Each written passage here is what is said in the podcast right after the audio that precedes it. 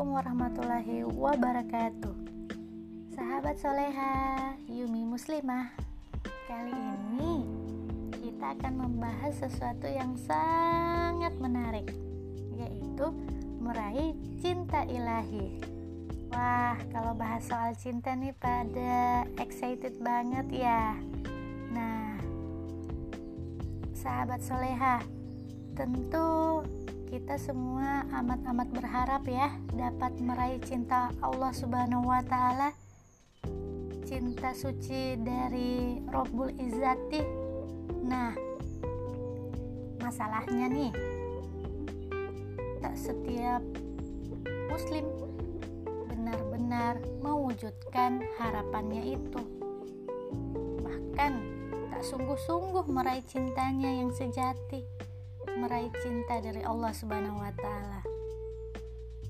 Sering harapan kita itu hanya terbesit di lubuk hati dan sekedar terucap di ujung lisan. Tidak sampai termanifestasikan dalam perbuatan.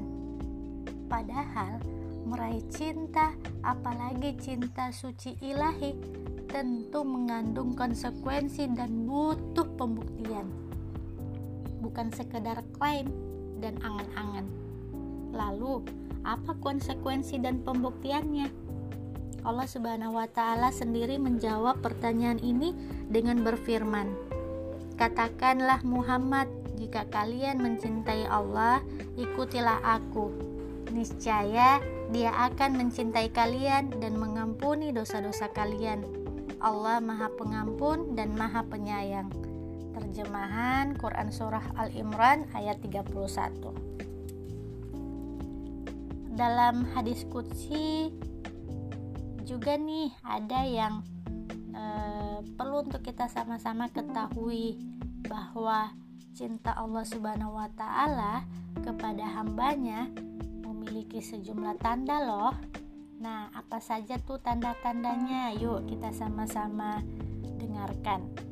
Pertama, Allah Subhanahu wa taala senantiasa menjaga pendengarannya dari hal-hal yang haram untuk didengar seperti gibah, menggunjingkan aib orang lain, dan namimah, mengadu domba, dan yang semisalnya.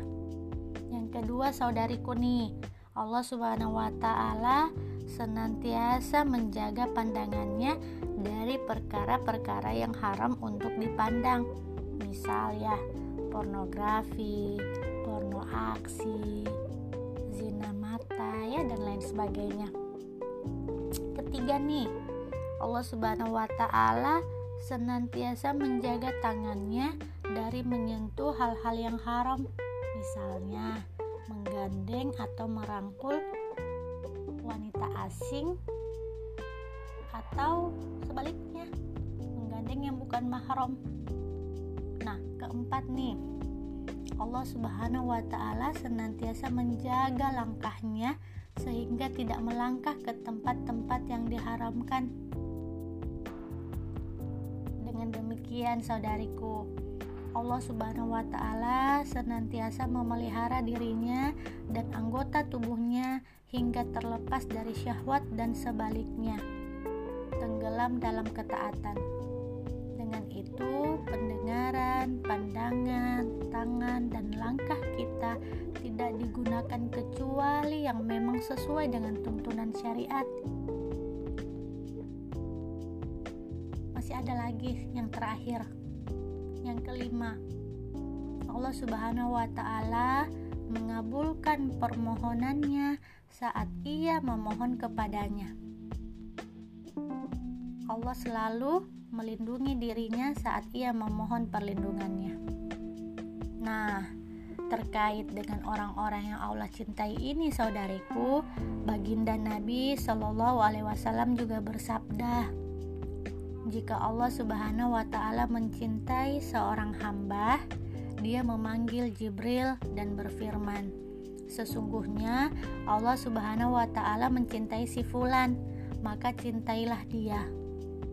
Jibril pun mencintai dia.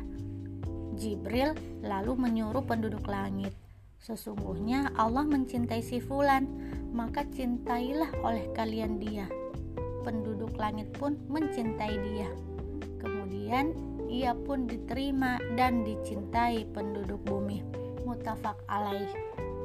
Saudariku, semoga kita dapat meraih cinta sejati, cinta Allah Rabbul Izzati. Wa ma taufik illa billah. Nantikan podcast selanjutnya yang menginspirasi ya dari sahabat Yumi Muslimah. Inspirasi Muslimah berhijrah. Wassalamualaikum warahmatullahi wabarakatuh.